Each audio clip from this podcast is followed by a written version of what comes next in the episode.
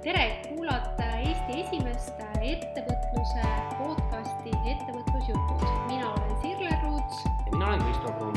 selles podcastis räägime ettevõtlusest ausalt, avatult ja läbi praktiliste näidete. oled oodatud kuulama, kaasa mõtlema ja otse loomulikult ka tegutsema. kohtume podcastis. tere, taas kord eetris Ettevõtlusjutud, mina olen Sirle. no ja mina olen Kristo, nagu ikka ja et kuidas vahepeal on siis äh, läinud, Kristo? me ilmselt räägime täna mõlemad natuke puhkamisest. mina käisin ka puhkamas ja ma, mul on niisugune komme, et kui ma käin välismaal, siis ma kunagi teadlikult, nüüd lausa iseenesest vaatan, kuidas näeb välja kohalik ettevõtlus ja majanduselu.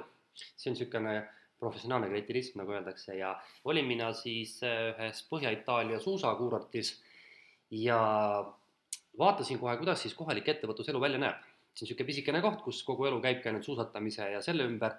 seal oli hunnik söögikohti, hotelle ja siis noh, me kõik oleme käinud, eks ole, mingites hotellides niisuguses peremajutuses ööbimas ja ja kui ma vaatan ja võrdlen alati Eesti ja siis mingite teiste selliste asutuste, teiste riikide asutuste neid majutusi, siis enamasti ma ütleks niimoodi, et me Eestis oleme harjunud hästi pingutama tegelikult ikka, eks ole me tahame olla nagu noh, pigem nagu, nagu paremad kui mitte, me, me ei lange nagu minu arvates niisugusesse rutiintsooni, vähemalt võib-olla ma olen valesti aru saanud, aga mul on vähemalt niisugune tunne, siis vaadates seal Itaalias seda, siis ma mõtlesin, et, et pagan, nendel tüüpidel on kõik kogu aeg ühtemoodi. niisugune natuke lohakas, natuke niisugune omamoodi, nad ei ole üldse, nad ei tule kliendile kunagi vastu. selles mõttes, et noh, et, et nendel on oma mingi süsteem, oma rutiin, noh, ma toon lihtsalt näite sulle, et mul oli, ma tegin ühel päeval seal koolitust ja lõuna ajal kõht jube tühi. nii, ja siis ma avastasin ühel hetkel, et kõik on kinni päeval, saad aru, ei ole poed lahti, ei ole söögikohad lahti, mitte midagi ei ole lahti, ainuke, kus süüa oleks saanud, oleks suusamäe peal, no aga ma ei läinud sellepärast suusamäele, et süüa. ja siis ma läksin, pöördusin meie hotellis, et kuule, kas saaks midagigi, ei palun tulge kell neli, kell viis, siis palun teeme, eks ole, kuidagi noh, neid absoluutselt ei huvita see.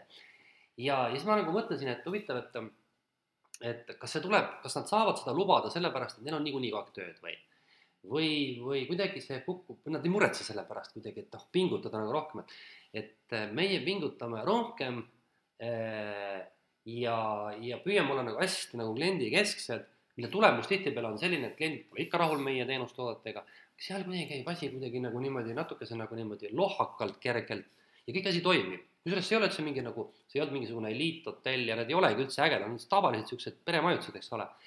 et äh, vot niisugune tähelepanek oli Äh, ja hästi huvitav äh, tähelepanek, sest minul on hoopis teine kogemus, sest äh, mina käisin siin ühe Eesti väikelinna spa puhkusel paar päeva ja seal oli vastupidiselt siis sinu näitele pingutati väga korralikult. ja see sai alguse sellest, et kui ma siis broneerisin seda majutust, siis kodulehel oli seal kuidagi niimoodi, et vist kas šampanja oli või ei olnud ja ühesõnaga ma ei saanud täpselt aru, et kas on või ei ole. Ja kui me läksime sinna, äh, siis oli see seal olemas, et, äh, et meid ootas siis äh, šampanja. Ja teiseks, kui siis oli vaja mingeid eri seal broneeringuid, siis alati tehti ja prooviti ja ja seega meil oli nagu ülimeeldiv kogemus oli sellest aga äh, selle puhkusega seoses siis äh, meenutasin just meie eelmist podcasti, kus kohas me rääkisime motivatsioonist ja järjepidevusest äh, ja mina kogesin nende viimase kahe nädala jooksul siis mõlemat. ehk siis ennem puhkusele minekut mul motivatsioon oli ikka väga maas, noh, kevadväsimus, tüdimus ja ma mäletan, et paar päeva täiesti arvutist eemal olekut andis võimaluse vaadata mingeid asju hoopis teistmoodi. Äh, ma ei saa öelda, et äh, mingites teemades mul motivatsioon täiesti taastus, aga ma võtsin kätte, ma hakkasin analüüsima seda, mis teemades mul oma ettevõtluses on motivatsioon maas. ehk siis ennem, ennem ma mõnes mõttes olin selline passiiv-agressiivne, süüdistasin, ah, et, et äri võib-olla enam ei ole ja, ja ei viitsi ka ja et siis Äh, tekkis peale puhkust äh, see äh, noh, tahe uuesti vaadata sellesse sisse et kuhu ma siis edasi liigun. ja teine kogemus oli siis oma magistritööga et tervitused kõigile, kes kas seda on teinud, teevad või hakkavad tegema, et see on ikkagi selline pähkel, mida ma olen kirunud siin, ma ei kujuta ette, kui palju, et ma pean seda üldse tegema aga ühesõnaga mul ei olnud absoluutselt motivatsiooni seda teha, et Kristo, kindlasti sa saad jagada oma kogemust. Aga äh, kuidas ma siis selle motivatsiooni sain, et me eelmine kord siin ei rääkinud väga palju kui sellest järjepidevusest, just rutiinist ja sellisest tuimalt äh, tegemisest. Ja mina siis äh, tegin niimoodi, et saada see magistritöö vähemalt mingi osas tehtud, siis ma võtsin ära endalt kõik meeldivad tegevused üldse, mida ma igapäevaselt teen ja noh, ettevõtjana, elustiili ettevõtjana on ju neid väga palju, käid magad hommikul pikalt, käid trennis, siis saad sõpradega kokku, kõik viisin nulli. mul oli ainult see arvuti ja külmkapp toitu täis ja mitte midagi muud ei saanud teha ja tõesti, see hakkas valmima ja kolmandal päeval, kui ma tegin oma esimese teadusliku avastuse äh, selle töö raames, siis tekkis ka motivatsioon. et seega siis teinekord, kui kaob ära motivatsioon või siis järjepidevus, äh, siis tasub lihtsalt tuimalt teha. Muuseas, see on ikka jube hea soovitus, ma hakkasin mõtlema praegu, et tegelikult sa tegelesid motivatsiooniga, et leida motivatsiooni. Ja.. jah. See on omate kõva asi, aga see, et, et sa tõesti teed endale nagu, nagu teadlikult vaata elu ebamugavaks, et see on igas asjas niimoodi. ma mäletan, kui Peep Vain rääkis, kuidas ta kirjutas oma raamatut, ta läks kaheks nädalaks Pärnu ühte hotelli ja sulgus sinna täiesti. ma olen, ma olen selliseid lugusid kuulda küll ja küll, kuidas muidu asi valmib, muuseas, mina olen selles mõttes halb näide magistritöö kirjutamisel, ma olen mitu tükki kirjutanud, mul üle kahe nädala ei ole läinud. ma lihtsalt võtan ja teen selle ära, aga see on ka viimasel hetkel, eks ole okei okay., kuule, aga täna me pidime, mitte pidanud, vaid meil oli niisugune mõte, et elu on meie ümber muutunud nii turbulentsuks, et äh, vist on kõige õigem aeg rääkida kriisidest. ja, ja meie ümber on praegu üks, üks kõva kriis, mis jätkab ühte teist kriisi, on nii? Jah, äh, see mõte, et, äh, et võtaks teemaks just äh, ettevõtluskriisis. Ehk kuidas olla ettevõtja kriisis, milliseid valikuid teha kriisis, kas üldse teha ettevõtluskriisis ja, ja see teema tuli just fookusesse seetõttu, et me mõlemad ise oleme tunnetanud seda nii eelmist kriisi kui ka praegust kriisi, kui ka minu enda klientide hulgas, kui siis sõjakriis nüüd tuli Äh, Euroopasse, et siis äh, päris mitmed kliendid äh, on öelnud ja küsinud, et esiteks on kadunud ära motivatsioon, et kas ma üldse peaksin seda äri tegema ja teiseks on tekkinud selline ebakindlus, et äkki ma peaksin mingeid teisi valikuid tegema. See on tegelikult niisugune äh, noh, inimesele, kes praegusel aastal, nendel aastatel nüüd on sukeldunud ettevõtlusmaailma nagu päris keerukas, et üks nagu kriis alles kestab, seesama koroonakriis, mille käigus on pidanud paljud, paljud, paljud, palju asju ümber tegema, nüüd tuleb järgmine asi juurde, noh, mis võib-olla ei mõjuta vaata siseriiklikku äri võib-olla niimoodi, aga ta mõjutab äh, rahvusvahelist äri. Äh, pluss noh, loomulikult see, mis sa ütled, see sisemine ebakindlus, eks ole, et, et see on, see on keerukas värk ja aga me võime rääkida alustuseks sellest, et mis siis juhtus kaks aastat või mitu aastat see nüüd tagasi juba on? Nojah, kaks, kaks aastat just. tagasi natuke peale, jah. see oli vist neliteist märts äkki või ma isegi ei mäleta. kolmteist no, märts. kolmteist märts. Mm -hmm. et ma, mm, see oli nagu tegelikult, ma arvan, mitte ainult meile, vaid väga paljudele, ilmselt kõikidele ettevõtjatele selline ehmatusšokk, et ühel hetkel pandi nagu riik kinni. ja mitte ainult meil, kogu maailmas, eks ole, kogu maailm pandi kinni, et see on niisugune moment, millest ma olen pärast hiljem tänase päevani ikka alati ettevõtluse, majanduse sellistel teemadel arutanud, et, et mis siis juhtus nagu tookord, kõigepealt hakkame sellest pihta, siis juhtus selline huvitav asi, mida ei juhtu elus palju, et noh, öeldakse, et kriis tekib, tavaliselt majanduskriisid tekivad sellest, eks ole, nõudlus kukub ära, et inimesed noh, kaotavad töö, eks ole, majanduses tekivad mingid sellised kriisid, langused tekib tööpuudus ja siis inimesed hakkavad noh, koheselt, eks ole, oma tarbimist üle vaatama, neil ei ole kas raha või nad ei julge enam midagi tarbida, nõudlus kukub ära ja selle pealt kukub ettevõtlus ära. nüüd just vastupidi, kõik nõudlus jäi alles, aga pakkumine kukkus ära, eks ole, et ei olnud äh, lubatud midagi müüa. ja kuidas sa nüüd tegutsed selles olukorras, kus tegelikult kliendid nagu on, kõik nagu toimib, aga sa ei tohi oma ettevõtet nagu nii-öelda avada. ja mina mäletan küll väga hästi seda esimest nädalat, esimene päev oli pigem, esimesed päevad olid isiklik paanika, noh, see oli ikka see, et kas külmkapp on süüa täis, kas mitte ei, ei panda sularaautomaadid kinni ja noh, niisugune, niisugune hirm oli pigem. aga kui nagu see läks nagu üle või ütleme, sellega tegeleti, inimesed, ise tegelesin ka sellega, käisin poes ära, mis siis nüüd? ja siis tekkis nagu, minul tekkis ikka tõsine hirm ja see tekkis niimoodi, et äh, mul oli märtsikuu, mul oli umbes juunikuuni oli mul tihedalt täis book itud töid. nii, ja mul oli tekkinud see olukord, kus ma olin teinud enne seda suurt eeltööd ja see eeltöö pidigi nüüd realiseeruma märts, aprill, mai, juuni. ja kõik mu raha ja kõik oli sellesse arvestatud ja ma mõtlesin, et, et kui see nüüd kõik ära kukub, siis ma olen puu väljas. sest kogu töö oli sinna planeeritud. ja ma olin nädal aega, ma olin äh,, ma olin kuri kõigepealt, ma olin kogu situatsiooni peale kuri, ma kirjutasin kõik sotsiaalmeedia täis, et minge kõik sinna kohta ja tehke kõik uuesti lahti, ärge üldse jamage, ma ei taha mitte mingit muutust siis äh, esin ka sõpradele, kõikidele sõpradele kurtsin sama loo ära, mida nad meenutavad siiamaani muuseas. ja ma mäletan, et esimene nädal aega ma olin ikka täitsa peata. ja siis äh, ja nagu see oli nagu noh, ei taha nüüd kuidagi nagu niimoodi vaimumaailma minna, nagu jumalast tekkis. ühel hetkel tekkis nagu tervikuna vaata kogu see koolitusvaldkonnas, seal oli see, seal noh, ma ei oska öelda, kuidas toimus jaekaubanduses või toitlustuses, aga meie valdkonnas toimus see ärkamine üsna ruttu. kuskilt tekkis see suum järsku, on ju kuskilt tekkis see, et, et ma ise hakkasin pakkuma kohe lambist neid äh, Zoomi koolitusi ja kuidagi kõik minu kliendid ja koostööpartnerid ärkasid väga ruttu. nii et ma mäletan, et see esimene nädal oli niisugune ikka tõus, tõus, tõud ja ma mäletan mitu päeva ma lihtsalt ei teinud mitte midagi. ja siis äh, mingite järgmiste nädalate jooksul põhimõtteliselt kõik koolitused toimusid, kõik mängiti ringi, absoluutselt. et äh, aga see oli, see oli nagu näide, kuidas kriis lõi täitsa uued võimalused et see oli minul nagu algus mm. -hmm. no minul oli natukene aeglasem, äh, sellepärast et äh, mäletan, et kui see kolmteist märts kaks tuhat kakskümmend siis oli, siis ma tegelikult pikalt juba mõtlesin, kas ma jätkan neid, neid riigihanke koolitusi või mitte ja minule mõnes mõttes oli natukene selline kergendus, et keegi otsustas minu eest ära et äh, koolitusi ei ole, äh, jess, et, äh, et ma ise ei pea noh, tegelema sellega, et koolitusi ei ole ja siis puhkangi.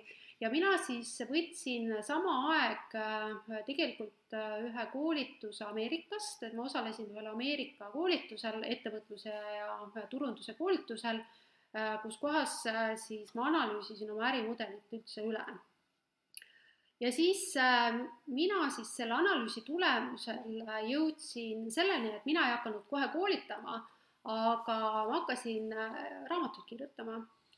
siis see raamat Eduka äriplaani koostamise valem on koroona kevade raamat. ehk siis, aga ma olin umbes kuu aega, olin täiesti niimoodi, ma puhkasin, ma mitte midagi ei teinud ja siis noh, ühel hetkel ikkagi oli vaja teha ja tänu siis sellele koolitusele äh, ma jõudsin selleni, et ma hakkan tegema tooteid. et ennem seda ma proovisin, aga ei olnud ka seda järjepidevust, sellepärast et äh, koolitusega oli kogu aeg välja müüdud. ja siis tekkis see ajaline võimalus, aga Äh, muidugi ma olek-, kui ma praegu mõtlen, ma oleks pidanud natuke kiiremini selle koolituse suuminduse ja sellega kõi-, kõigega kohanema, et mina väga kiiresti kohanenud sellega. ja, ja ma arvan, et ma kaotasin seal päris palju seda turuvõimalust, äh, mis seal tekkis. Äh, sellepärast, et seal tekkis selline vaakum, kus väga paljud ei pakkunud ja need, kes kiirelt siis kohanesid ümber, need said väga hea noh, nagu selle võimaluse, ärivõimaluse, sest äh, sellisel juhul, äh, mis siis juhtus, oli see, et väga vähe ettevõtteid oli, kes äh, interneti teel koolitasid, konkurents oli madal, sest muidu on koolitusturul väga tihe konkurents ja, ja seega mina sisenesin sinna pool aastat hiljem ja sain küll sealt mingi osa, aga oleks võinud jah, kiiremini kohaneda. no tegelikult ma tundsingi, et kui kuu aega oli või kaks oli see koroona olnud, siis mul oli üsna piinlik äh, paljude tuttavate juures rääkida, et mul on nii palju tööd, mul elus kunagi nii hästi läinud. jah, kus inimesed olid töö kaotanud, vaata, eks ole, mhm. elati töötu, äh, riigi ja Töötukassa rahadest ja kuidagi nagu isegi häbi oli vaata rääkida, isegi ülikoolis ma mäletan, kuidas tekkisid seal kolleegidega jutuajamised, kui kolleegid ütlesid, kõik on läbi, kõik on, kõik on läbi, mitte midagi pole, tööd ei ole, inimesed vaesed. mina siis, kus nad siis vaesed on, et nad siin, ma siin praegu just näed umbes, et ostsin selle ja tegin selle. jah, olid ajad, aga tegelikult, äh, mis me endast räägime, me ikkagi lubasime ka peegeldada oma klientide ja oma, oma siis töö nii-öelda tulemusena tekkinud infot, et, et mina olen nüüd siis nüüd kaks aastat seda koroonat jälgides vaadanud äh, oma siis ka koolitatavate peale ja alustavate ettevõtjate peale ja ka tegutsevate ettevõtjate peale ja ja ma ei tea, kas mul on juhtunud niisugune parem seltskond, sa võid nüüd siis kinnitada ümber lükata, aga ikkagi inimesed tegelikult ei ole kartnud seda kriisi. Mina arvasin ja olin täitsa valmis, et ettevõtluse asutamine kukub täitsa ära sest noh, ühelt poolt on need olemasolevad ettevõtted, kes said nii haavatavad, eks ole, kes ei suutnud kõike ümber mängida, mingid valdkonnad kukkusid täiesti ära, et ma olin täitsa veendunud, et, et uusi peale tulevaid ettevõtjaid peaaegu et polegi. mitte midagi juhtunud. isegi ma kohtasin inimesi, kes ütlesidki, et, et ongi suurepärane võimalus, et näed, umbes mingi vana firma pani poe kinni või mind koondati, et, et, et see on nagu, see oli nagu, kuidas öelda, selline keegi tegi minust otsuse ära, et ma viskasin mind sealt ärist välja, eks ole. et ma ei pidanud ise seda otsust langetama, muidu ma oleks jäänud tiksuma. ja nüüd ma saan näiteks a la kas ette võtta seda, mis ma olen unistanud, et proovida ära teha, või siis tõesti nüüd ongi see mm, isegi mitte motivatsioon, vaid põhjus ennast nagu uuesti proovile panna, et et selles mõttes päris mitmed inimesed avastasid, et see oli nende jaoks nagu hea tõuge. aga laiemalt, kui sa statistikat oled vaadanud, näiteks siinsama Töötukassa ja EAS-i neid välja antud toetuslaenusid ja kõike, siis kõik on rekordid löönud kogu aeg viimastel aastatel, eks ole, et, et meil on mitmed kümned tuhanded ettevõtted on juurde tekkinud selle ajaga, mis tegelikult oleks pidanud hoopis vastupidi juhtuma. nii et, äh, et mulle tundus, et see oli, see oli see kriis, millest kõik räägivad, et mis on kasulik, vaata, eks ole. et loomulikult me teeme ilmselt liiga praegu, kui me räägime siin hotelli või meelelahutus või, või turismitöötajatest, aga, aga kui me noh, võtame nagu need valdkonnad välja, mis said haavata ja võtame kõik ülejäänud, siis mis juhtus, juhtus see, et esiteks Äh, inimesed said tõesti tõuke hakata tegelema millegagi, mis, millest nad mugavustsoonis ei oleks hakanud tegelema. teiseks, äh, vaata kui palju tekkis tegelikult ägedaid teenuseid. mina ei olnud sinnamaani peaaegu mitte kunagi tellinud mitte midagi äh, poodidest kulleriga kohale, mitte kunagi. milleks? ma läksin kohalikku poodi, eks ole, ja tellisin. Ja, ja ma ei teadnudki paljudest firmadest mitte midagi. täna ma tellin niisugustelt väikefirmadelt igasugu huvitavaid asju, noh, ma teen põhiliselt nagu toidukaupa ja niisuguseid asju, eks ole siis äh, äh, kui paljud restoranid tegelikult jäid ellu ja hakkasid pakkuma neid koju toomist, mis, äh, mis ka tegelikult oli pigem positiivne, on ju niimoodi, eks ole.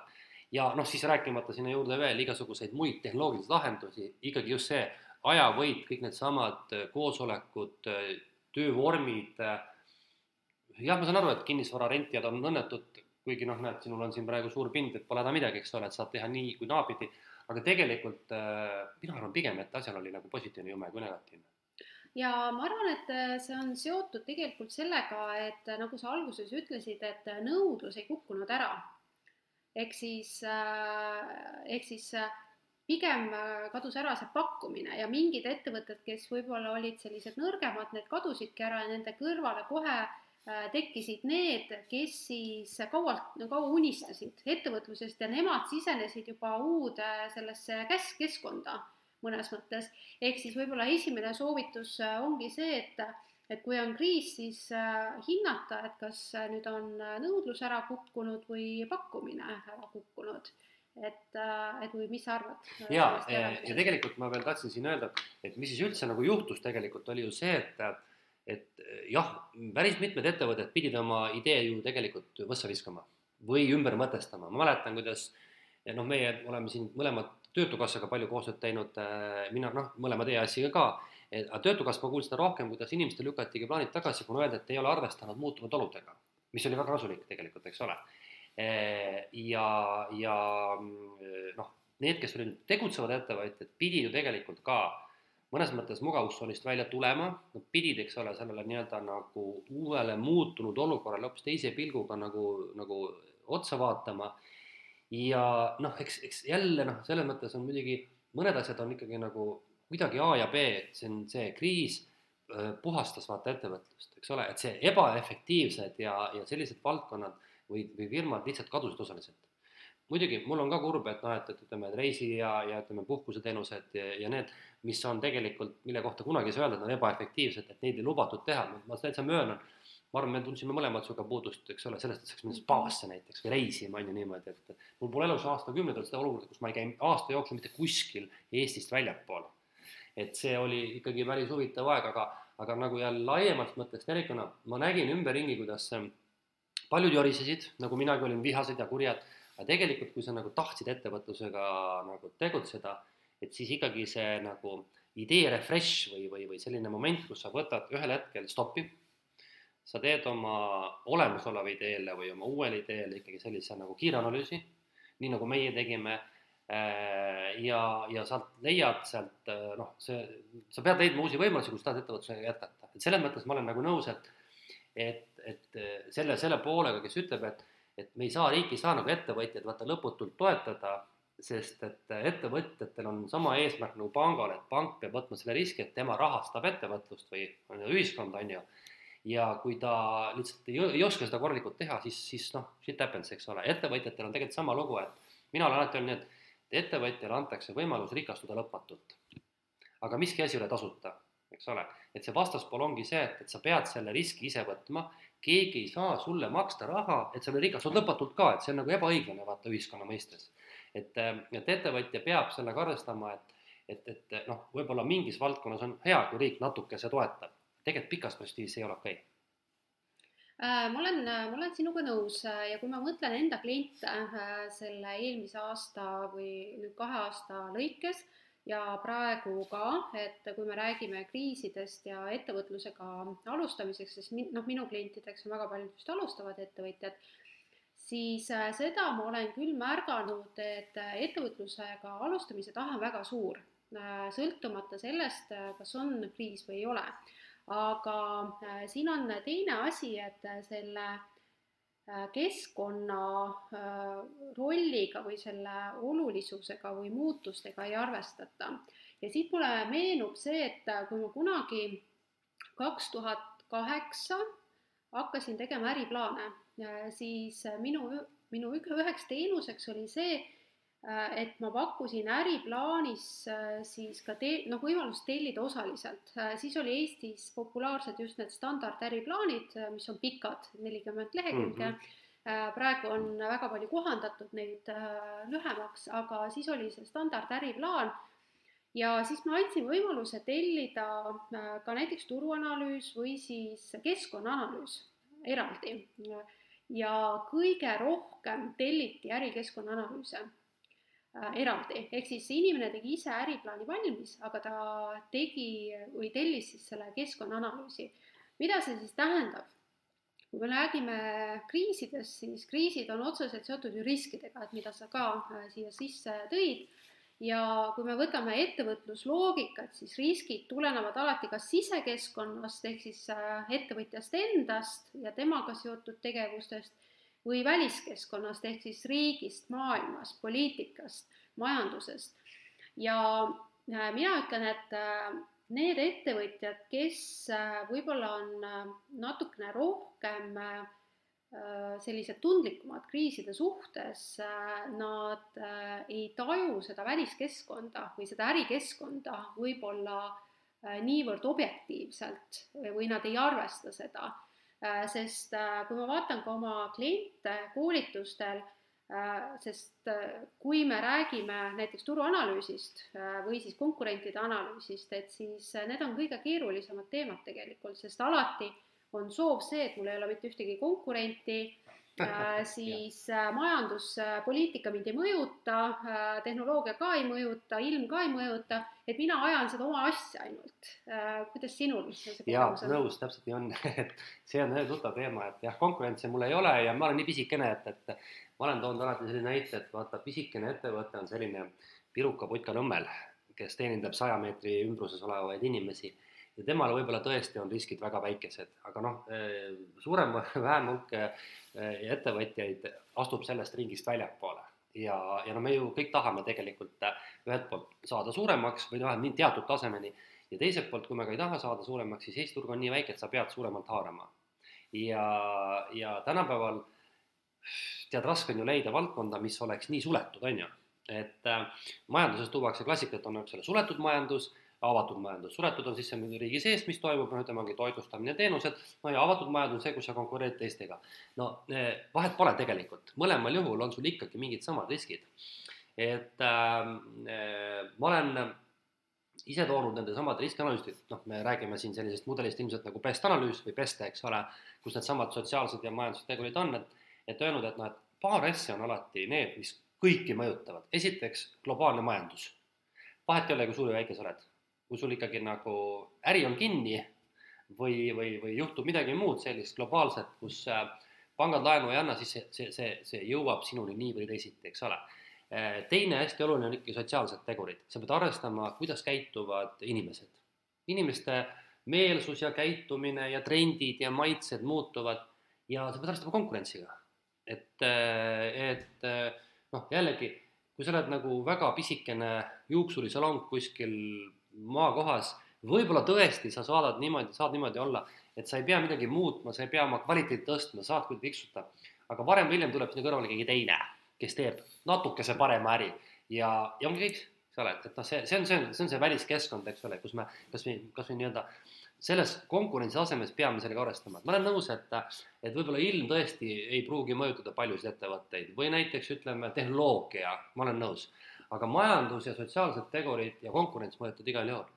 Äh, kuigi ma natuke vaidlen vastu, et ma rääkisin ühe kliendiga äh, eelmisest suvest, äh, kes siis, eelmine suvi oli ju Eestis, kaks tuhat kakskümmend üks oli troopiline suvi. Kõik seisis, võib-olla tõesti jäätisemüüjatel läks väga hästi ja veemüüjatel ka, aga ta ütles niimoodi, et täiesti ebaloogiline, täiesti ebaloogiline, mitte midagi, inimesed mitte midagi ei ostnud. Äh, ehk siis äh, teinekord äh, võib ka mõelda seda. Ja ma mäletan täna just ühe klienti, ühte klienti, keda nõustasin, siis tema ütles niimoodi hooajalisuse peale, et hooajalisus on ka üks risk tegelikult äris. Ja kui me räägime kriisidest, siis võib ilmastik väga oluliselt mõjutada tegelikult ka ettevõtlust, siis tema ütles, et mind mõjutab hooajalisus nii palju, et, et suvel ma puhkan ja, ja talvel teen tööd, on ju. et ma ise valin seda, aga tegelikkuses on ju see, et hooajalisus lähtub sellest, kuidas su kliendid ostavad, et kuidas see äri üldse käib et see tähendab seda, et ma pean jällegi tundma seda oma äh, segmenti, oma klienti, seda turgu, kuidas seal see äri käib. et ma ei saa panna suvel oma äri kinni, kui suvel on kõige suurem nõudlus, on ju. et, ähm, et aga väliskeskkonna riskide osas ma olen äh, selles osas mm, kogenud seda, et just seda majanduslikku mõju Äh, ja ka poliitilist mõju ei osata hinnata. Ja see on tegelikult päris suur risk, võtame siin äh, mõned aastad tagasi aktsiise riigi poolt tõsteti, väikesed maapoed äh, sulgesid oma uksi, sest kõik läksid meie naaberriigi piirile siis hundijalavett ostma, on ju. ehk siis ikkagi mõjutab ja noh, üks asi, kuidas äh, väliskeskkonna riski võib-olla maandada oma ettevõtluses, on see, et et pane, noh, tee esiteks äh, finantsprognoos, eelarve võiks olla igal ettevõttel. Ja pane sinna hinnatõus, äh, hinnatõus, kulude tõus, arvesta see sisse, mida ma ka näen, et sageli ei arvestata, et ettevõtjad teevad, et ma iga, kõik aastad müün täpselt sama hinnaga ja kulud on täpselt sama suured. Kuidas sul? jaa, see on õige, finantsprognoosi puhul on, on, see on hea näide, et, et kuidagi nagu see äh, päriselus saadakse aru, et asjad muutuvad mm, -hmm. aga nii kui sa hakkad seda finantsplaani tegema, nii läheb see kohe meelest ära, eks ole mm. -hmm. aga ma tahtsin küsida sult sellist asja hoopiski, ütle mulle, et äh, noh, me räägime, eks ole, nagu sa ise ütlesid, sisekeskkonnast, väliskeskkonnast, et äh, kumbad riskid võiksid olla sinu hinnangul tähtsamad ettevõtluse seisukohast, mida kui sa nüüd, mina olen nüüd, oleksin niisugune alustav ettevõtja või, või niisugune, kes tahab sinu käest abi saada, et ja sa räägid mulle siin praegu riskianalüüsist ja keskkonnaanalüüsist, et et, et mis sa arvad, kummale ma peaks rohkem tähelepanu kumbad on nagu kriitilisemad minu äriettevõtte edukuse osas? Äh, ma arvan, et see sõltub väga palju ärist äh, tänasel hetkel kui sa oleksid seda küsinud mult neli aastat tagasi, kui meil oli majandustõus, väga stabiilne majanduskeskkond ja, ja kõik ju arvasid, et kõik läheb ainult ülesmäge siis ma ütleks, et äh, sisekeskkonna riskid on kõige suuremad ja si-, mis on sisekeskkonna risk, see on inimese, ettevõtjaga endaga seotud äh, riskid alati äh,. noh, seal on see ressursside puudus, et mul ei ole aega, raha, vahendeid, teadmisi äh,, kuidas seda äri teha äh,, mu konkurentidel on ja nad võtavad mult selle turu ära äh,. või siis on see, et et äh, noh, ma teen mingi valearvestuse hinnastamises äh, või siis äh, mul tekivad võlgnevused, noh, midagi niisugust, on ju, noh, see, mida mina saan enda otsustega mõjutada, ehk siis noh, minu arvamus on see, et kui on stabiilne majanduskeskkond, siis on äh, selle kriisi võib tuua ettevõtja ise äh,. ehk siis näiteks ta jääb haigeks kõige hullem on see, et ta elu lõpeb ära, et, et noh, et, et mis siis, mis siis saab, et noh, mis siis sellest ettevõtlusest saab, et see on muidugi kõige hullem äh, kriis. aga, aga niimoodi jooksvalt ongi see, et et inimesed nagu ei arvesta sellega, et meie endaga võib midagi juhtuda või me teeme ise valesid otsuseid aga juhul, kui on selline ebastabiilne majanduskeskkond, siis on kindlasti väliskeskkonna riskid ja kriisid on hästi olulised, millega tuleb arvestada, aga, seal muidugi tuleks arvestada niimoodi, mida mina saan mõjutada või, või tähendab, mis, et eristada neid kriise, mis mind otseselt mõjutavad ja mis mitte, sest seal me jõuame tagasi selle emotsioonini. Ja mida mina olen nüüd viimase nädala jooksul oma klientide peal näinud on see, et see sõjahirm on toonud üles hirmud, mis on tegelikult ettevõtluse hirmud, et me kanname need enda hirmud selle sõjahirmu peale. et, et noh, mitte tegeleda seda oma, oma selle sisekeskkonna selle probleemiga. jaa, ma mõtlesin praegu sinuga paralleelselt kaasa, et, et see on mulle ka tuttav, mitte mulle isikuna, aga ütleme jällegi minu tööga seotud, kuidas äh, täiesti toimiv äri võib sisemist otsustatult pankrotti minna. Eh, kus on siis, eh, mina noh, ütleme siis oma niisugustel näidetel võin tuua või, või, või põhjendustega öelda, et seal on taga halvad eh, juhtimisotsused, kehv finantsteadlikkus, kehv finantsdistsipliin, uljus, pankroti kasvamine, need on kõik need sisemised asjad, noh, mis vastab seesama asja, mis sa ütlesid, et, et tehakse halbu otsuseid, eks ole. Väliskeskkonnaga on lihtsalt tihtipeale see, et, et noh, nagu koroona ütleb näitas meile, pluss ka sõda ju tegelikult, mis võib olla, eks ole, me seda ei tea, sest on täna meile veel kaudne mõju, et need on asjad, kus, kus noh, me ei saa midagi teha, eks ole, et seal on tihtipeale, need on need nii-öelda vältimatud riskid, me, me ei saa selle vastu mitte midagi teha. selles mõttes ei saa, et me ei saa neid kuidagi nagu vähendada, me saame noh, võib-olla kohanduda nende asjadega. et noh, mina arvan niimoodi, et, et, et ma täiendaks su mõtet ja niimoodi, et väliseid eh, riske ja kriise noh, tavaliselt ikkagi kogu aeg ei ole. Mm, on ju, ikkagi ju pigem ma ütleks niimoodi, et et eh, kui inimene elab, ütleme, seitse-kaheksakümmend eluaastat, siis tema elust vast ikka suurem osa on stabiilne, vähemalt ütleme meie piirkonnas siin, võib-olla kuskil ütleme, mõnes teises riigis, kus on kogu aeg selline mingi niisugune sõjaoht või niisugune kogu aeg niisugune action käib, eks ole, aga meie siin laiuskaeldel inimene ikkagi valdavalt elab rahuajal, ilma kriisideta ja, ja siis me ütleme küll, et, et siis on noh, see nii-öelda ettevõtte ebaedu paljuski te, või edu tema enda kätes, eks ole, kui ta palju ta ise nüüd viitsib, tahab ja oskab nende asjadega tegeleda. aga ma nüüd hüppaks korra veel sinna tagasi, et noh, et ikkagi keegi, eks ole, ootab, kuulaja ootab meilt ka seda, et mida siis nagu teha ja mida mitte teha, et selles mõttes on sul õigus, et vaata, eks ole, see nii-öelda niisugune keskkonnaanalüüs on, on oluline oskus ja ma ütleks võib-olla isegi täpsemalt, et räägime siis nagu riskianalüüsist, eks ole, et, et mm, ma olen kunagi teinud noh, mitte ainult ettevõtluse riskianalüüse, ma olen kunagi isegi teinud äh, neid GDPR-i ehk selle andmekaitsemääruse raames hulganisti riskianalüüse, õppinud kasutama erinevaid mudeleid, et kuidas siis kõik käib, et tegelikult ega seal ju midagi kunsti ei ole, see on ikka see, et me võtame kõigepealt ette, on siis välised riskid, on sisemised riskid ja siis me need omakorda jagame veel teatud gruppidesse ja, ja see õige kunst ongi see, et, et sa pead olema kõigepealt aus ja tundma äri, et kust otsast see pauk võib tulla, siis sa pead teadma, mis siis juhtub, siis sa pead suutma ennustada, kui tõenäoliselt see juhtub ja mida sa siis teed, eks ole, et tegelikult see analüüs ei ole keerukas, aga, aga elu näitab, et noh, tavaliselt niisugused tugevad riskianalüüsi peaks tegema ettevõttes mitte üks inimene, vaid pigem noh, mingi seltskond, kas siis juhtkond või selleks volitatud isikud ja see ei tohiks käia niimoodi, et poole tunniga, kuule, tee mulle üks riskianalüüs valmis, eks noh, tegelikult ta ei tööta sellisel juhul. et sa pead nagu selle stsenaariumi läbi mängima äh,. aga, aga kõige pullim, mis juhtub, tuli praegu üks asi meelde et äh, mul ei tule selle firma nimi Eestis meelde, kes kunagi rääkis ühe loo, kuidas nemad ebaõnnestusid. ja nad tegid kolmveerand aastat strateegiat, nad mängisid läbi kõik stsenaariumid, kõik riskistsenaariumid ja nad suutsid turul olla kaks kuud. Nii et noh, see on nagu kogu selle minu pika jutu nüüd niisugune resümee, et, et tehke, mis tahate, aga pankrotti võite ikka minna, eks ole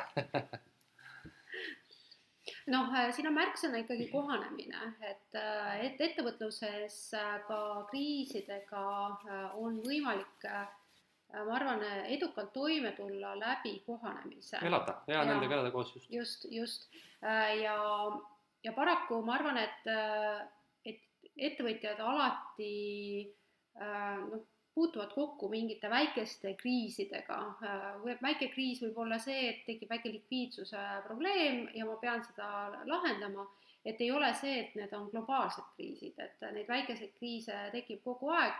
aga mulle meenus selle näitega, et see riskianalüüs, just see, et kuidas siis alustavad ettevõtjad sageli teevad riskianalüüsi Äh, sest ähm, kui ma äriplaanides seda näen, siis äh, need alustavate ettevõtjate riskianalüüsid on sageli hästi roosa manna vahused.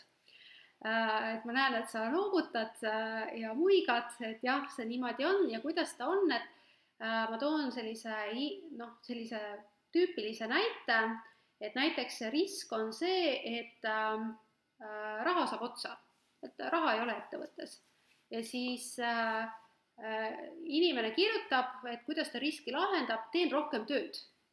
noh, näiteks või siis äh, näiteks teen rohkem turundust. Äh, et juhul, kui ma ei jõua piisava arvu klientideni, siis ma teen rohkem turundust. aga miks sa kohe ei tee, tekib kohe küsimus, või siis on see, et kui sul ei ole raha ka, aga millise raha eest sa siis teed, et rahastajal alati tekivad need küsimused.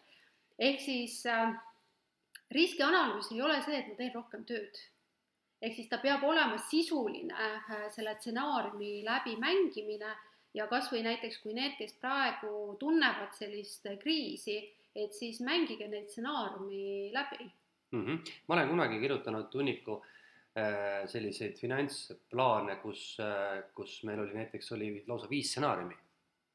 et me kirjeldasime ära nagu niimoodi noh, kõige optimistlikum stsenaarium, siis oli kõige pessimistlikum, eks ole, sinna vahele midagi ja oligi nii, et mängisime nende numbritega, et näha, et mis siis on nagu siis, kui kõik läheb väga hästi, mis on tihtipeale noh, natukese unreal, eks ole, siis kõik läheb täiesti pekki, no võib-olla see ka ei ole kõige hullem ja siis või kõige reaalsem siis sinna vahele, mis tekib, eks ole.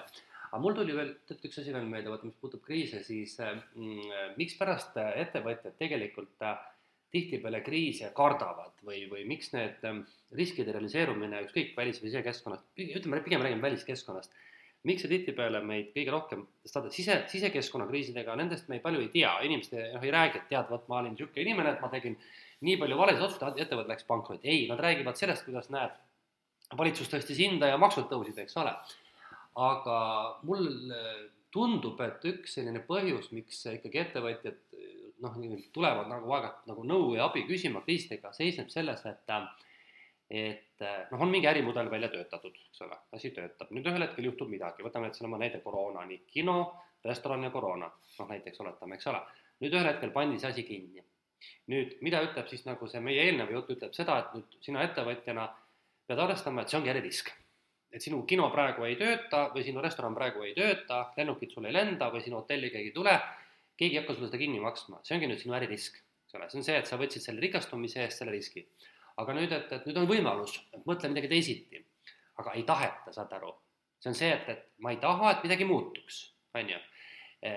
nüüd ma olen ka seda meelt, et ka see pole muidugi õige, et, et tarbija ütleb, et kah, pole seda kino vaja siia ja mingu pekki ja ma vaatan kodus Netflixi, eks ole. et see pole ka nagu, nagu õige, et tegelikult see, see õige vastus ongi kuskil vahepeal, et kui tundub, et nüüd ongi aeg käes, kus see kino või see restoran või see hotell enam nagu sellisel kujul ei õigusta, siis äh, siis noh, nüüd ongi see, et, et kui sina ei suuda midagi välja mõelda, sa panedki poe kinni ja siis seda enam ei ole, aga, aga keegi teine suudab midagi välja mõelda, et noh, terved valdkonnad võivad ka ju tegelikult kaduda turult, aga need ei saa toimuda ilmselt noh, ütleme nii üleöö, et isegi hopukaarikud ei kadunud ära ühe päevaga, ei kaotanud autodel ennast, eks ole, et see kõik võtab ikkagi aega, et ma arvan, et et see on, see on noh, seda on nagu lihtne öelda ja võib-olla isegi natuke meie poolt nagu ebaõiglane öelda sellele ettevõtjale, et noh, mõtle, eks ole, aga tegelikult ma arvan, et see päriselt niimoodi ongi. et, et mina arvan ja sa arvad ka kindlasti seda, et ettevõtlus on ikkagi võistlus, võitlus. Ja ellu jääb see, kes on, kes on nutikam, eks ole, kes suudab sellest pealtnäha võib-olla peaaegu nagu ilmvõimatust olukorrast välja piista midagi täiesti geniaalset ja, ja see on äh, ebamugav ju, mina näiteks praegu tunnen ka seda, et, äh, et noh, koolitusturg äh, on kindlasti Eestis ka muutumas, kui ma teen oma magistritööd just koolitusturu kohta, siis ma näen, kuidas maailmas on ta juba muutunud, aga Eestis hästi noh, hoitakse sellest vanast kinni. Ja, ja ühel hetkel ongi see, et et noh, et, et äh, tarbijate harjumused ju muutuvad, et mida sa tõid just siin selles väliskeskkonnas äh, näitena, et inimeste need tarbimisharjumused, äh, eelistused, trendid, et need ju muutuvad ja ettevõtjad peavad mõnes mõttes sellega kaasas käima. Vaata, ettevõtlus käib veel kaasas, ma olen segane, aga ma hakkasin praegu mõtlema näiteks sinu jutu peale, me mõlemad töötame ka ülikoolis, et kujuta ette olukorda, no kaks aastat olnud tegelikult need loengud, mida mina pean ja mida ka sina pead, valdavalt ju veebi teel, on ju. pluss, kui me lisame sinna juurde veebiõppe näiteks läbi muude keskkondade, siis ma ei näe täna tegelikult võimalust, et see üldse tagasi pöörduks. mida nüüd teevad ülikoolid oma nende gigantsete majadega, ütle mulle, eks ole. kõik ei ole laborid, kõik ei ole mingisugused, ütleme, katsed, mingid seal asjad. et mis tooks tagasi peale sunni ja käsu inimese nüüd auditooriumisse noh, seal me jõuame minu sellise hästi suure südameteema juurde, teenuse disain, et, et sa pead seda koolitusteenust, seda haridusteenust niimoodi disainima läbi elamuse, et inimene noh, kes tahab saada elamust, ei tule tuimalt sinna kuulama, vaid ta saab mingit lisandväärtust, et kas seal on mingi praktika või, või seal on selline noh, suhtlus või, või ma ei tea, simulatsioonid, noh, et, et et midagi, midagi sellist, ma arvan, mis, mis on kogemusepõhine, mida ei saa üle veebi veel, seni kuni meil ei ole virtuaalreaalsust ja tehisintellekti, et siis, aga noh, tuimalt jah, kuulata mingit loengut, ma arvan, et, et see on eilne päev mm. -hmm. aga see nüüd ongi näide sellest, vaata, et et, et noh, see, et me räägime praegu ülikoolist, me noh, võime tuua selle ju mis tahes, eks ole, erasektorisse, sa peadki arvestama, et mingid asjad noh, ilmselt väga palju enam tagasi ei muutugi Äh, jah, äh, sest mulle meenub siin ühe toitlustusettevõtja, mul klient, äh, kogemuse lugu, kes ütles, et nad põhiäri teevad üritustega, sündmustega mm -hmm. ehk siis sellist lõunasöögiäri tegelikkuses enam ei ole.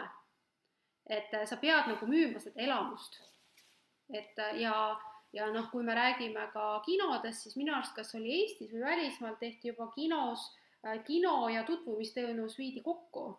ahah, see on siis nagu äh, jah, füüsiline Tinder või? jah, jah, just, just, et, et kus kohas siis äh, on väga palju, noh, tegelikult on väga palju üksikuid inimesi, veebi teel tõenäoliselt see võib-olla ei toimi ja siis, ja siis kaks asja viidi kokku. Mm, -hmm. et noh, teenuse disaini mõte on ka see, et erinevaid ärimudeleid kombineeritakse. Ja seetõttu on ta hästi põnev, põnev valdkond. ma tahtsin korra, mul tuli täitsa mõte, vot mul on praegu olukord, kus mul abikaasa otsib äh, endale kontoriruume, nii, ja, ja mis me siis avastasime eile, me käisime natuke mõnes kohas vaatamas, et et on mingid piirkonnad, noh, Tallinna linnas siin, noh, võta, eks ole, piltlikult palju tahad Äh, on kuubipõhised, on olnud niisugused, ütleme noh, nagu sul on siin üks niisugune, niisugune vana, niisugune noh, mis iganes siin majas vanasti oli, eks ole, ümber ehitatud, see on mingid moodsad kontoriruum, noh, igast variante. aga mingid piirkonnad on jäänud kuidagi kinni, noh, eks ole, et võtame näiteks Keila näite, ma ei taha kuidagi Keilale nagu liiga teha ja aga eks keilakad meid kuulevad ka, et Keila on olnud tööstuspõhine linn. kui sa tahad seal nagu teenust pakkuda, siis see on peaaegu võimatu seal on sul võimalik rentida mingeid angaare tõenäoliselt ja mingisuguseid koledaid ruume on hästi palju, eks ole, kuhu sa võid oma mingit tohutuid krobakaid püsti panna. aga kui sina tahaks niisugust teenust nagu sina siin praegu, siis Keilas unusta ära, sa ei saa. sul ei ole mitte kuskil. mis ma tahan öelda, väliskeskkond ei ole üldse järgi tulnud, vaata, eks ole, et see on nagu täitsa tühi koht. et äkki me peaksime hoopis kinnisvaraga hakkama tegelema, tule Keilasse, lööme seal ühe moodsa maja püsti, ehitame sinna huubid, eks ole. Aga et noh, ma tahan öelda seda, et tegelikult me praegu räägime sellest, et et, et, et ega ettevõtlus peab mitte ainult kartma seda, seda väliskeskkonda, vaid vastupidi, tegelikult on seal ju võimalused Äh, jah, sest äh, Jaapani vana või Jaapani sõna äh, jaapani keeles on, on kriis, on purustus ja võimalus. no vaata, see viimast, mul on niisugune tunne, vaata, et, et inimesed nagu ei oska näha seda mm, -hmm. eks seda purustust me näeme, et oi, kõik on nii naa pekkis, eks ole, aga noh, see on see klaas on pooltühi või pooltäis, eks ole, kas sa näed nagu positiivset poolt või sa näed seda negatiivset poolt ja vot nüüd niisugune hea ju tegelikult ärikeskkonna analüüs peaks meile ütlema ka seda ka, et no see on ideaalne muidugi jälle, et sa teed oma sellise ükskõik paberil või mõttes, et sa jõuad sinna välja, et sa avastad uusi võimalusi hoopiski, on ju. et, et selle tõttu noh, see kriisi, kriisianalüüs peakski tähendama seda, et, et nii enam edasi minna ei saa, aga äkki saab kuidagi teisiti. Eks ole, ja noh, siin on neid, neid näiteid noh, võibki ju lõputult tuua, kuidas on leitud neid nii-öelda võimalusi jah, kas või koroonakriisis need äh, lennud ei kuhugi ja yeah,, just, just. ja Tallinki laev muutus kaubamajaks yeah. ja et, äh, et need on meil Eestis äh, ka siin ja noh, tegelikkuses ma arvan, et nüüd see aasta on päris huvitav vaadata, kui palju siis tänavatel jääb autosid, sest kütuse hinna tõus, äkki tuleb täpselt sama soe suvi ja võib-olla tõukeratta rent läheb Äh, veelgi ägedamaks ja võib-olla tulevad sinna juurde veel mingid sõidukid, äh, mis, äh, mis linnapildis hakkavad domineerima. kuule, jumala äge, ma mõtlesin praegu, siis ma Tallinnast Keilasse puran niisuguse mingisuguse aparaadiga ja terve tee on täis siukseid purajaid, ei olegi autosid, eks ole ju, tegelikult ju väga vahva on ju, ja siis on keset teed on kuskil laadijad, mobiilsed laadimisjaamad, väiksed purksiputkad, eks ole, kohvikud niimoodi. Mine tea, kahekümne viie aasta pärast ongi niisugune pilt, eks, et autovennad lükatakse kuskile ainult mingitesse magistaalidesse, et teede järgi siia sõita. jah, tegelikult ju eks siis, ega siis muidu ei ole Elon Musk'i sugused vennad sellised geeniused, kes suudavadki mõelda out of box vaata on ju niimoodi mm. -hmm. et me siin ka võib-olla anname mõnele tulevasele eh, Muskile või, või Zuckerbergile siin praegu ideid, kuidas out of box mõelda, et, et nõudlust tekitada teistsugust jah. muuseas, see kütuse teema tuli täna, täna mul ühel loengul tuli üks esimesi küsimusi. Mm.. küsimus oli selline, et kas bensiini peaks hakkama koju ostma? Et, et või mis, mis mõte oleks. ja, ja noh, ma siis kommenteerisin, ma arvan, ütlesin, et arvasin, et ega juhtubki kaks asja, et, et inimesed hakkavad ilmselt vähem sõitma äh, ühelt poolt. Ja, ja kõik asjad hakkavad kallimaks minema, mis sisalduvad, just kütuse hind sisaldub igal pool, et noh, nende asjadega tuleb arvestada et, et kuigi noh, eestlane hoiab kahest asjast hambad ees kinni, eks ole, autost ja kodust, et noh, ta võib käia vanade lõhkiste pükstega, aga kurat, need kaks asja peavad olema. Ükskõik, mis see hind siis ka ei ole. ma just rääkisin äh, eile vist ühe sõbraga, kes äh, on selline, kes kasutab autot absoluutselt igaks äh, asjaks ja siis, äh, ja siis äh, oligi see, et ta ka ütles, et noh, et äkki peaks jalgratta vastu vahetama see, see kevad on ju, et noh, oleneb, mis meil ilm tuleb, aga mina ei kasuta autot juba aastaid ja aastaid ja, ja ma olen oma elu tegelikult korraldanud selle järgi, et, et ma ei peaks seda kasutama, et aga noh, kui elad linnast väljas, siis paraku jah, noh, seda küll, muuseas minul tuli äh, Äh, mul on nagu see krediitkaart, noh, mis, millega ma bensiini ostan või autokütust ja siis mul tuli just arve null eurot eelmise kuu eest. Mm.. kus ma ise ka mõtlesin, kuidas see võimalik on, null eurot, tähendab seda, et ma võtsin jaanuaris kütust mm. ja terve veebruari võtnud, püha jumal küll. Ma ometi liikusin igal pool ringi, kuidas see võimalik on, ma ei tea. Mm -hmm.. okei okay,, see selleks jah, aga tulles tagasi nüüd, eks ole, kriiside juhtimise ja kriisihalduse juurde, siis äh, Äh, ma arvan, et, et nii nagu vaata ettevõtlus noh, tervikuna, eks ole, muutub hästi palju kiiremaks kogu aeg, et, et, et sama asi noh, homme enam ei tööta. seal on mitu põhjust, et noh, need üks on ikkagi noh, see väliskeskkond, kõik need sellised noh, ma ütleks, need probleemid ikkagi hakkavad nagu võimenduma rohkem ja rohkem, eks ole, et see avatud maailm toob meile selle, et, et nagu naljamehed ütlesid, kui üks hiinlane sai soomuslooma seal kuskil seal Hiina turul, et nüüd meie siis köhime siin kaks aastat pärast seda, eks ole. et, et see on üks põhjus ja teine on ka see, et, et noh, ettevõtluse nagu konkurents muutub niikuinii tihedamaks, et ma pakun välja, et nii nagu öeldakse, et üks inimene, kes äh, elab, ütleme palgatöötajana, siis ta peab õppima elus ümber mitu-mitu korda, kogu aeg peab õppima ja mida, mida tulevik edasi, rohkem peab õppima. Ja ma arvan, et ettevõtlus on sama lugu, et kui sa teed ühe mingi äri, siis sellisel kujul ta ei pruugi kindlasti kesta sul pikalt, eks ole, sa pead kogu aeg olema valmis muutusteks, see tähendab seda, et see, mis me räägime sellisest nagu keskkonnaanalüüsist ja riskianalüüsist ja sellistest nagu kogu niisuguste väliste ohu ja ka võimaluste hinnangutest, et see peab muutuma iga ettevõtja puhul üha rohkem aktuaalseks. ehk siis äh, aeg-ajalt ongi hea mitte tegeleda juba sellega tulu, tulekahjuga, et kui see on juhtunud, vaid huvituda selle kohta, mis keskkonnas toimub, et ja kuidas, kuidas mõjutab see keskkond siis mind. Äh, ja noh, mida ma näen enda klientide puhul ka, siis äh, sageli ikkagi on see, et mind ei mõjuta ja, ja alustavate ettevõtjate ootus, eriti need, kes on väga pikalt olnud ühe töökoha peal töötanud, näiteks äh, kümme, kakskümmend aastat ja nüüd tekib mõte, et võiks hakata ettevõtjaks siis nende ootus sageli, väga inimlik ootus, on see, et nüüd ta teeb kakskümmend aastat seda ettevõtlust. Aga ettevõtluses see ei ole niimoodi, ettevõtluses äh, jah, nagu sa tõid väga hästi, et see muut-, muutus on väga kiire, muutused on väga kiired ja me peame kogu aeg ümber kohanduma. ja minul on ka, ma arvan, et see kogu aeg kohandumine on kõige väljakutsuvam olnud selles ettevõtluses. Sellepärast et äh, kui ma mõtlen oma, ütleme, et seda kuut-seitset aastat, seitset aastat, mis ma olen nüüd seda koolitusäri teinud, siis ma olen iga aasta pidanud midagi muutma. ja see on kohati nii väsitav. ja nüüd ma natukene mõnes mõttes, ma tean, et ma pean nüüd ka muut-, muutuma või muutma midagi ja ma juba, noh, mul on nagu trots või väsimus, et siis ma teangi, et ma pean natuke puhkama ja siis äh, tegema selle ära aga see ongi tingitud just sellest äh, nii tarbimisharjumuste muutusest Äh, kuna ma näen seal võimalusi, aga samas ka see, et see keskkond tegelikult äh, muutub päris palju.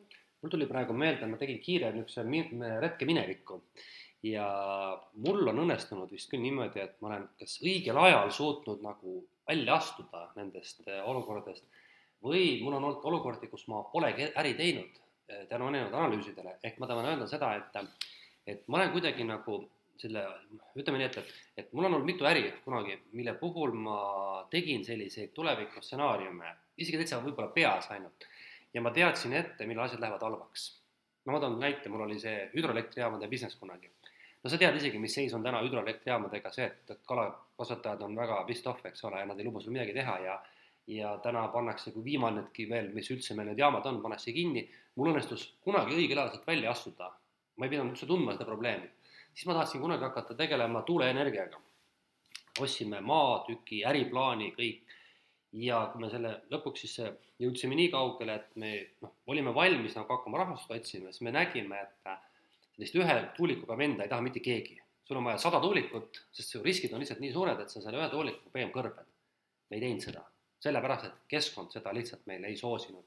ja nii on veel mitu-mitu äri, kus ma olen olnud ehk et, et ma, ma ei taha öelda, ma olen mingi õnneseen olnud, aga ma arvan, et mingisugune selline nagu alateadlik tarkus on mind hoidnud, sest ma olen näinud kõrval vastupidi ärisid, mis on kurb, noh kurb on, kus nad surevad ära nii-öelda, saad aru, noh, nad, nad hingitsevad, hingitsevad, sa näed, et sealt ei tule mitte midagi, aga sel inimesel ei ole julgust, tahtmist ega soovi muutuda, ta kuidagi loodab, et noh, midagi sealt pigistab veel välja ja selle kohta öeldakse, vaata see, parem see õudne lõpp kui lõputu õudus, eks ole et see ei ole üldse mingi niisugune nüüd niisugune paberitarkus, mis siin räägime, vaid see tegelikult niimoodi ongi, et, et kuulajad, vaadake ümberringi, te kindlasti olete näinud selliseid ettevõtteid, kus ongi, te saate aru, et pagan, selle oleks pidanud kinni panema, selle äri oleks pidanud kinni panema, eks ole, ta hingitseb, tal ei ole tegu ega nägu.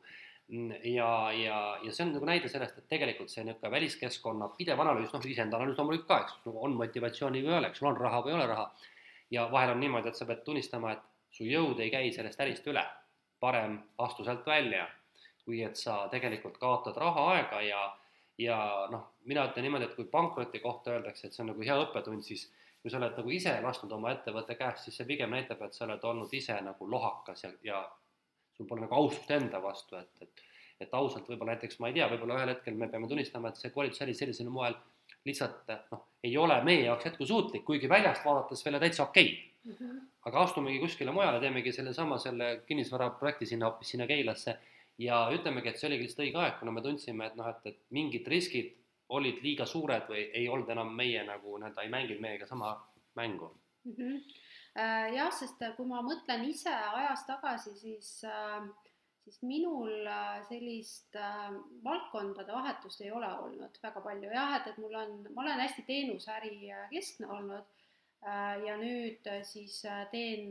neid äh, raamatuid äh, ehk siis äh, mm, jah, et, et ma ka hindan hästi ennem neid riske, aga noh, tõenäoliselt äh, me oleme ka võib-olla natuke halvad näited sellisest keskmisest ettevõtjast, kuna me oleme ise ettevõtluskoolitajad, et me peame tegelikult ju ise -hmm. suutma noh, kasvõi enda riske nagu. jah, me alateadlikult oleme liiga tar targad, ilmselt natukene jah, selles mõttes küll õige jah. Jah, et, et aga kui me räägime sellisest keskmisest ettevõtjast, siis siis mina näen küll, et kui me räägime kriisidest, siis pigem toimub tavaliselt tulekahjude kustutamine.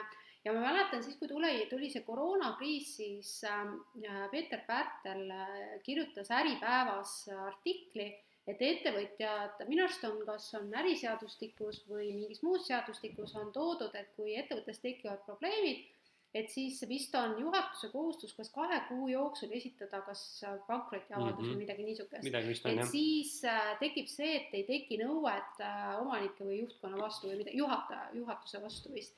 ja siis ta sai minu teada sotsiaalmeedias, tervitused äh, Peetrile, kui sa kuulad sai minu arust väga sõimata, et kuidas sa nagu niimoodi julgustad inimesi mitte, mitte nagu pingutama, noh, mõnes mõttes Anton Hansen Tammsaarelikult äh, noh, nagu Tõde ja õigus, et külvan seda põldu ikka aastakümneid.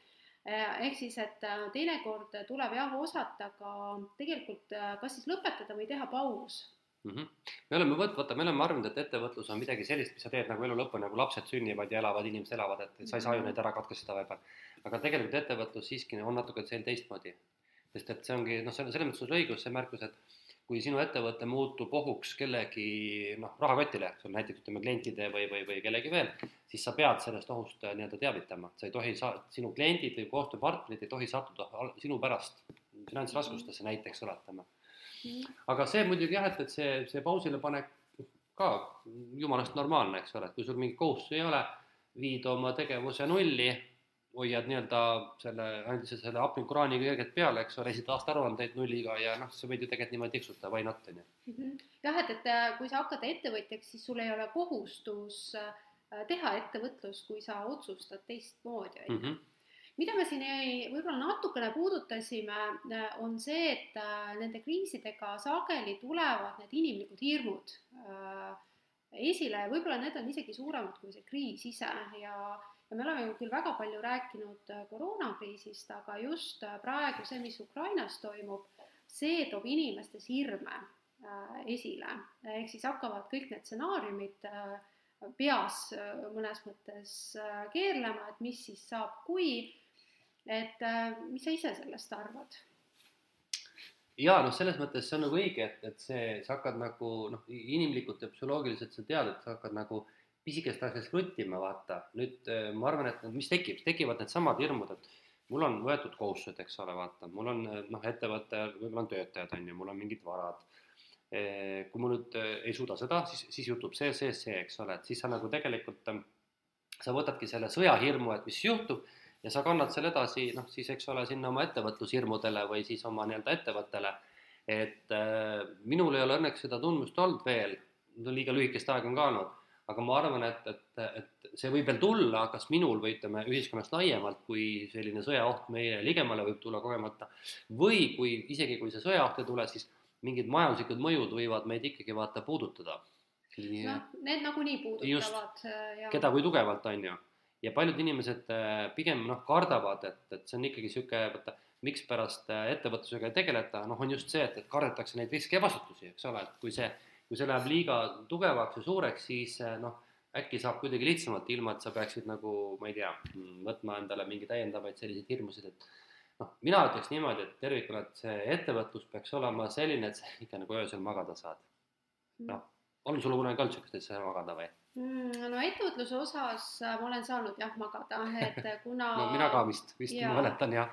ja sest äh, noh, ma muidugi noh, vastutan ka iseenda eest ja, ja ma, mul ei ole sellist suurt meeskonda ja, ja mul on alati oma finantsjuhtimine hästi selline korras, et ma tean täpselt, et kui mul järgmine kuu ei ole vaja äh, siis kui mul ei ole võimalik arvet esitada, siis ma elan selle üle ja võib-olla ka järgneva, ma ei tea, pool aastat või aasta.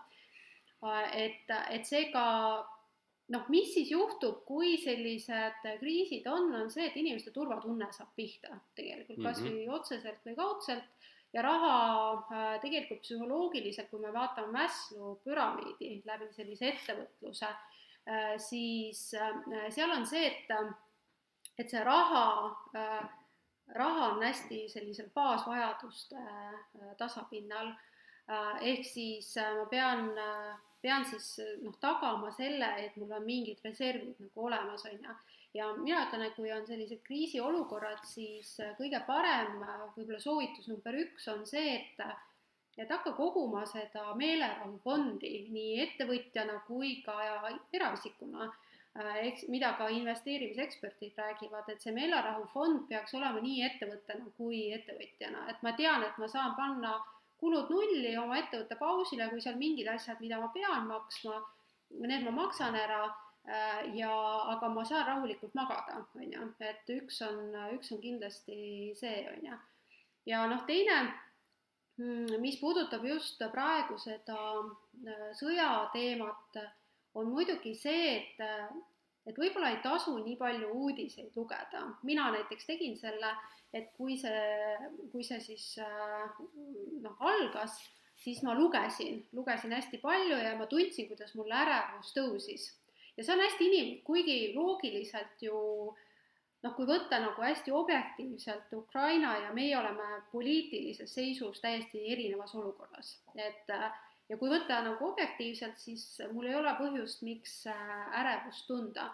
ja mina küll tegin nii, et ma, ma loen ainult hommikuti uudist äh, ja nii-öelda peale kahtteist ma uudiseid enam ei loe ja ma noh, loobusin ka õhtusest AK vaatamisest, mida ma tavaliselt vaatasin et mul ei ole vaja noh, võib-olla nii palju seda infot, mulle piisab, et ma päevas tean, kus kohas me enam-vähem oleme ja siis ma tegelen enda asjadega mm. -hmm. Nõus jah, eks see, see, mis siis, seda ma tuletan ise ka, et selline ärevus, eh, mille sa kannad üle muudesse tegevustesse mm, -hmm. tulebki selliselt, äh, selliselt, äh, kuidas ma ütlen siis, märkamatult või, või see, ühel hetkel sa avastad, oledki nagu noh, nende uudiste või millegi iganes suhtes hästi ärev, aga et et noh, ma lihtsalt täiendaks veel korra seda, et, et jah, et see, et kas öösel saad magada, et, et ma noh, mina vist ei ole ka ettevõtjana äkki noh, noh, tegelikult raske öelda, mina olen samamoodi ettevõtja isik ühes isikuseks koos. et mingil hetkel mul ilmselt on olnud ikkagi neid rahahirmusid küll.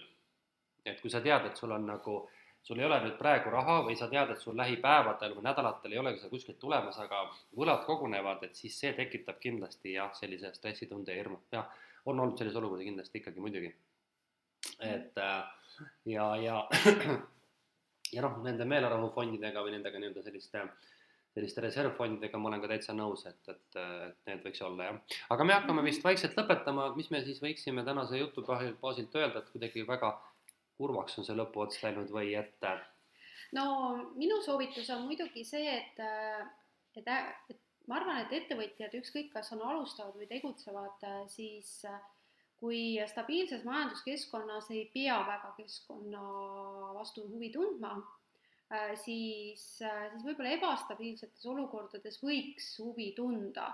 Äh, noh, ei ole vaja endale teha selgeks globaalne majandus, vaid, vaid teha selgeks see, et mis mind mõjutab väliskeskkonnast, et kas seal on mingi hinnatõus, mis võib tulla väga suur või siis mingid tarneprobleemid, on ju või siis on see, et, et noh, võib-olla on üldse valdkonnas see, et nõudlus kukub ära, on ju, et inimesed hakkavadki kriisiolukorras midagi muud tarbima, et võib-olla noh, näiteks meil, et ei tule ettevõtluskoolitusele või noh, ostavad midagi muud, on ju.